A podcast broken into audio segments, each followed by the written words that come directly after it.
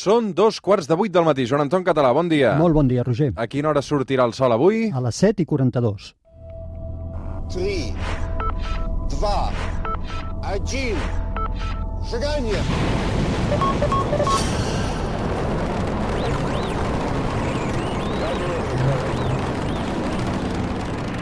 One small step for man.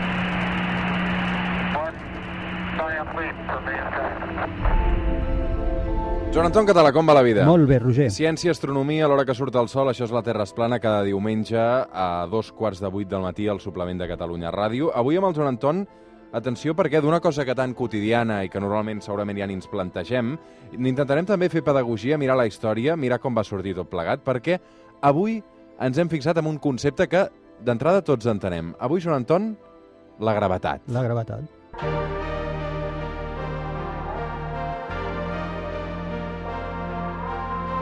Per fer-ho fàcil, la gravetat és allò de que quan saltem tornem a caure a terra, no? Sí, sí, sí, però fixa't el fa, la fàcil que és no entendre-ho així i la quantitat de coses que desconeixem. Mm. La definició científica quina és? La més simple que podríem donar és un fenomen natural que fa que qualsevol cos, qualsevol objecte que tingui massa, i podríem posar-hi també el terme energia, perquè sabem que massa i energia són dos cares de la mateixa moneda, exerceixi una atracció sobre un altre cos. Això seria la, la definició més simple. Mm -hmm. Aquesta és la que surt al diccionari. Sí, exacte. Sempre s'ha dit no, que Isaac Newton va ser qui va descobrir la gravetat, però no va ser ben ben bé així, això. No, de fet, fixa-t'hi, eh, descobrir la gravetat és un terme que no en podríem parlar perquè la gravetat ja, ja es va descobrir des que l'home... Vaja, de sempre hi ha hagut gravetat, no és que ningú descobrís la gravetat. Però sí que hi va haver molta gent durant la història, com veurem, hi ha hagut molta gent que hi ha pensat i ha intentat entendre-la, perquè no l'entenem del tot. Llavors, els grecs ja ja, ja hi pensaven. Aristòtil, per exemple, ja es fixava en com queien els cossos. I ell estava convençut que els objectes més pesats queien més ràpid contra la Terra. És a dir, que si tu deixaves anar dos objectes que tenien eh, diferent pes, el més pesat queia abans i tocava a terra abans que l'altre. Això és completament fals, eh? ara ho veurem. Però ja els grecs ja li donaven toms a, a com queien les coses a terra. Mm. I Galileu?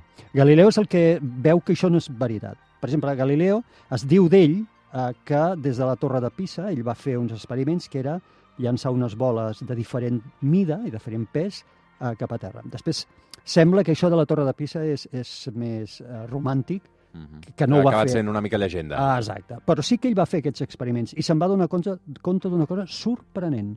No importava com de gran era la bola metàl·lica que ell llançava, totes tocaven a terra al mateix moment. Per tant, es carregava tot el tema d'Aristòtil, el tema dels grecs, de que en funció de si un cos era més pesat, què hi abans? No, no. Ell veu que en independència del pes que tingui un cos, tots toquen a terra al mateix moment. La qual cosa és absolutament sorprenent, si ho penses una mica, el sentit comú que diu, oi, com, com, com? Mm -hmm. I això ell és el que ho, ho comprova. Fi, estem a final del segle, del segle XVII, Com està documentat, això? perdó, a final del segle XVI, començament del XVII. Eh, està documentat perquè ell escriu sobre la gravetat en els seus, en els seus articles. Ell escriu i comenta això, comenta els experiments que fa en vol. El que passa que després sembla que el, el, el tema de que ho fa des de la Torre de Pisa, això ve afegit Mhm. després en algunes eh, biografies que expliquen la història de Galileu. De fet, aquest experiment de les boles eh, de Galileu, aquest projecte el van dur a terme els tripulants de l'Apolo 15 a la Lluna, no? Fantàstic. Òbviament, quan vam anar a la Lluna, això ja ho sabíem que era així, que qualsevol objecte cau en independència del seu pes i toca a terra en el mateix moment. Però es va voler fer, en plan show americà, no? es va voler fer... eh, Com operació de màrqueting, també? Absolutament, des de la Lluna i en directe. Val? I això ho pot trobar qualsevol a YouTube. Dir, tu entres a internet i trobaràs la filmació original on es veu el comandant de l'Apolo eh, 15, que està sobre la Lluna, i en una mà té un martell i en l'altra té una ploma de falcó. Uh, I els deixa caure els dos al mateix moment i veus com cauen, zum, pum, i toquen els dos exactament en el mateix moment a la, al terra de la Lluna. Per què es va fer a la Lluna? Perquè a la Terra això no funcionaria en una ploma. I un martell perquè tenim aire, tenim atmosfera. I, òbviament, aquí hi ha una fricció de l'aire que fa que la ploma eh, planegi i vagi molt a poc a poc, cosa que a Galileo no li passava perquè ell llançava boles pesants. I amb boles pesants l'efecte de la- l'atmosfera era pràcticament nul. No? A la Lluna, com que no hi ha atmosfera i no hi ha, aura, no hi ha aire, els objectes toquen al mateix temps. Eh, faig una falca, diguem, publicitària barra eh, divulgativa. El meu llibre, la meva novel·la juvenil, Projecte Galileu, utilitza aquest fet, l'experiment, famós experiment de l'Apolo 15, com l'argument, la part principal de l'argument de, de la novel·la. I aleshores, eh, després d'aquest escenari de, de Galileu, va arribar Newton amb la seva famosa poma, no? Clar, eh, que també és llegenda, eh? també Allò de romàntic. que estava fent No, la migdiada em sembla que no. sota un pomer i una poma es va desprendre i li va caure al cap. Sí, això és el que ens han explicat a tots. Sembla que no va ser així, com amb ell. De fet, no se li va acudir allò de eureka, no? Anem a estudiar la gravetat. Ell portava molts anys estudiant la gravetat i és el, el primer que mm, estudia la gravetat i que li posa fórmules matemàtiques. Sobre els experiments que havia fet eh, en Galileo, ell millora moltíssim aquests experiments i pensa molt i desenvolupa les fórmules matemàtiques que expliquen com funciona la gravetat. I ho fa tan bé, tan bé, tan bé, que encara avui, per la nostra física quotidiana, per tot el que fem quotidianament, pel 99,9% de les coses que fem, seguim utilitzant el que ell va fer. Mm, Escolta'm, i si Newton no va descobrir ben bé la gravetat, què és el que va descobrir? Va fer les fórmules que explicaven. Aquestes fórmules matemàtiques va dir, molt bé, la gravetat, com funciona aquesta gravetat? I sense entendre què era, perquè el collonut de la cosa és que ell no va arribar mai a entendre què era la gravetat, ni l'entenem ara què és, no? Però va dir, anem a veure com funciona. I va desenvolupar unes fórmules que si tu les utilitzes t'explica exactament la velocitat a la que cauen els objectes, eh, com la Terra i la Lluna s'atrauen, a la velocitat a la que gira la Terra al voltant del Sol, perquè hi ha Newton, que era matemàtic? O... Eh, era de tot, sí, era matemàtic, però en aquella època els genis, com Newton, eren moltes coses, però ell era matemàtic. Mm -hmm. Anem a les conclusions de Newton i de Galileu. Mira, vam fer, per exemple, conclusions que surten. La primera, molt important, Newton se'n dona compte de que això és una força, de que això que anomenem l'atracció que fan dos cossos és una força. Val? I a partir d'aquest moment li anomenem força de la gravetat, força de la gravetat. Després se'n dona compte que la intensitat d'aquesta força depèn de la massa que tenen els dos objectes que s'atrauen. Com més massa tinguin, més intensa és aquesta força que els atrau. Això explica perquè, per exemple, el, el Sol atrau a, a la Terra a tanta distància, perquè el Sol té moltíssima massa i la Terra també. També se'n dona compte que hi ha aquesta força accelera en la caiguda, amb l'atracció, accelera els cossos. I que aquesta acceleració és constant, no li importa com de pesat és. Això és el que ja havia descobert Galileo. que Amb les boles, totes elles tocaven al mateix temps. Per tant, la força de la gravetat accelera els cossos, però els accelera de forma constant i independent de com pesis. Val? També va descobrir que aquesta força de la gravetat es debilita com més lluny estàs. Com més lluny ets, es debilita amb el quadrat de com de més lluny estàs. Per tant, cau molt ràpidament. Aquesta força es debilita molt ràpidament en el quadrat de la distància. Val? Tu allunyes la Terra del Sol, els allunyaries i ràpidament cauria aquesta atracció que fa. I finalment, una altra de les descobertes, això que nosaltres quotidianament anomenem pes, quan peses? Doncs és una força. És la força de la gravetat aquí a la Terra. És com la Terra t'atrau en aquí. Per tant, tu peses diferent en aquí que peses a la Lluna, perquè la gravetat aquí a la Lluna són diferents.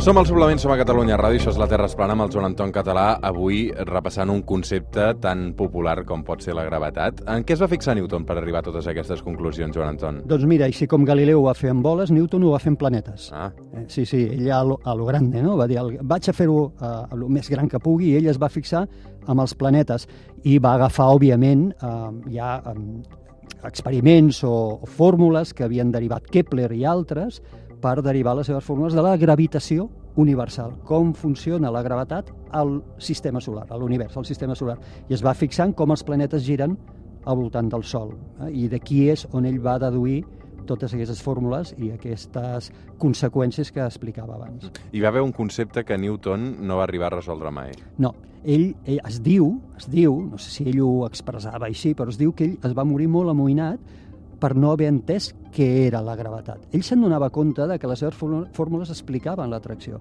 però ell deia coses com, no sé si, eren, si són literals, eh? Uh, no, sé si tenim biografies molt, molt fidedignes, però ell l'amoïnava al saber què és la gravetat al final, què és un cordill, una corda invisible que ens uneix, com saps tu que hi ha la Terra? I si ara el Sol desaparegués, com sabria la Terra que ja no, de, no, de, no ha d'orbitar al voltant del Sol, que ha desaparegut, que hi ha una corda invisible que els uneix? En realitat, què és? Com es transmet la gravetat? Per tant, les seves fórmules explicaven com funciona, però ell mai va entendre, i això l'amoïnava, mai va entendre què era la gravetat. Ho ha resolt algú, això? Eh, Llavors ve Einstein. Passen molts anys i ve Einstein a primer, la primera part del segle 20 i ell torna a pensar amb la gravetat i, i pareix la seva relativitat general, que el que intenta és explicar aquesta gravetat des d'un altre punt de vista. I diu, no, no, perdoneu, allò que va dir Newton i que hem estat utilitzant i que encara avui utilitzem, que es diu força de la gravetat, no és cap força. Mhm. I ara us explicaré què és. I ara, quan us expliqui què és, diu, diu Einstein, veureu que no necessitem res per transmetre-la. I Einstein ens diu, la gravetat en realitat és una deformació de l'espai, temps de l'espai. Si l'espai fos una tela, això ho hem explicat Sí. alguna vegada, Vam començar amb les boles, sí, vam anar als planetes Sí. i Einstein ho va resoldre tot amb una tela. amb una tela elàstica, sí. I diu, eh, si a l'espai fos una tela elàstica i poséssim un objecte sobre la tela, aquesta tela es deformaria. Diu, això és la gravetat. Per tant, la gravetat no és cap força, és simplement una deformació de l'espai-temps. Jo sempre hi poso el temps perquè en veritat és l'espai-temps, però per no embolicar-nos, ara no parlem del temps, parlem simplement de l'espai, que ja prou complicat és. Qualsevol objecte que passi al voltant molt a prop d'aquesta deformació que fa la tela, que és molt fàcil visualitzar-la, tindrà tendència a caure en espiral dins d'aquest foradet, dins d'aquesta depressió. Diu, això és la gravetat. Per tant, com es transmet? No, no cal transmetre-la. Com que és una deformació, a la que jo hi trec aquesta boleta, l'espai recupera la seva forma. Si poso una bola més pesada, aquesta deformació és més gran. Si poso una bola tan pesada... I a més a més era un exemple tan, tan gràfic, no? Sí, jo crec que l'exemple ens ve després. Tot aquest exemple ens l'hem inventat els, els divulgadors i els, Mhm. científics, els científics molt després. Ell no crec que en aquell moment pensés en una tela, eh? però sí que definia com una deformació de l'espai-temps la gravetat i arriba a l'extrem de que ell prediu, la, per exemple, l'existència de forats negres. Diu, si tu posessis un objecte tan, tan, tan, en tanta massa, que et deformés tant l'espai, dir, aquesta depressió la fes tan animal que et trenqués la tela per sota, això seria un forat negre. Mm. Res del que caigués podria tornar a sortir. Com es va demostrar que tenia raó Einstein? Es va demostrar en moltes formes, però n'hi va haver dos, dos fonamentals.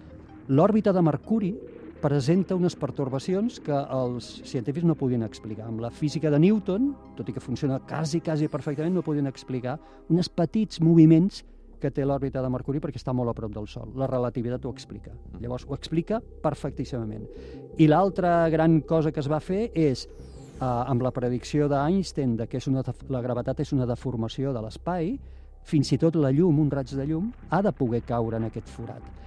I llavors es va utilitzar un eclipsi de sol que hi va haver el 1919 i un grup de científics, en el moment en què el sol estava completament tapat per la lluna i es va fer fosc, van sortir les estrelles i van calcular, van mesurar la posició de les estrelles en el cel, les estrelles que estaven més a prop del sol visualment, i van veure que estaven desviades de la seva posició en catàleg.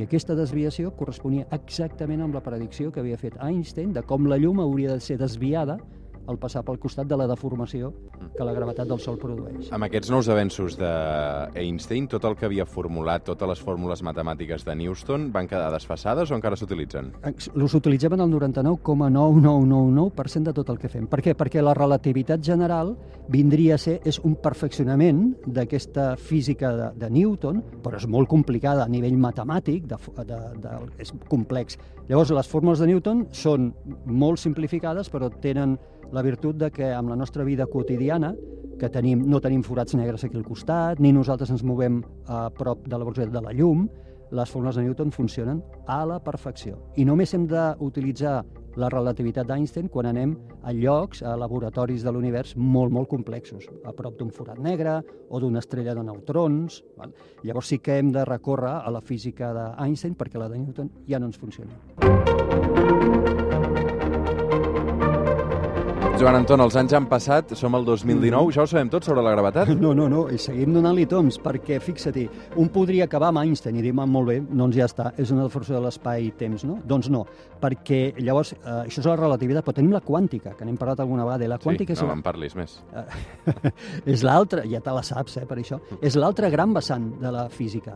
I la quàntica explica la gravetat d'una forma absolutament diferent, o intenta explicar-la. Bueno, és que amb la quàntica 2 més 2 no són 4, no, exacte, i llavors diu, no, perdoneu, la gravetat eh, ha- necessita una partícula per transmetre's. És dir, el fet de que la Terra m'atragui a mi vol dir que hi ha partícules que estan constantment viatjant entre la Terra i jo per dir-me que hi ha a la Terra. I això és una partícula que li diu el gravitó, que mai s'ha descobert encara, que la quàntica prediu que ha d'existir. Per tant, per la quant és incompatible amb el que diu Einstein. Einstein diu, no, no, és una deformació de l'espai.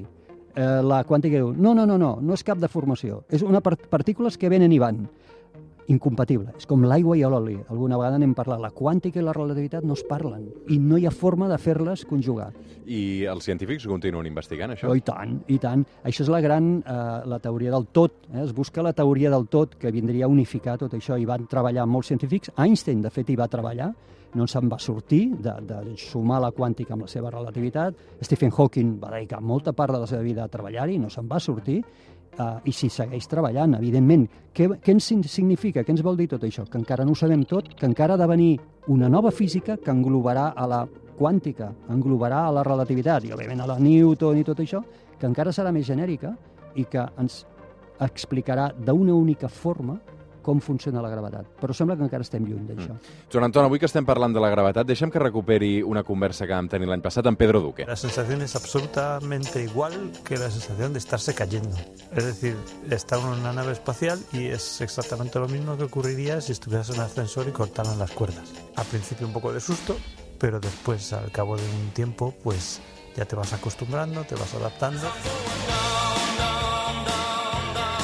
Aquí és Pedro Duque, doncs, eh, comentant una cosa que té molt a veure amb la gravetat, no? En una conversa que vam tenir amb ell la temporada passada amb motiu d'aquests 50 anys de l'arribada de l'home a la Lluna, ell descrivia aquesta sensació d'ingravidesa que pateixen els astronautes, però que no és ben bé ingravidesa. No, és un terme que mal utilitzem. Ingravidesa no existeix. Per tot el que acabem de veure, tu te'n vas a l'univers i sempre hi haurà algun objecte que faci atracció sobre tu i, per tant, hi hagi gravetat.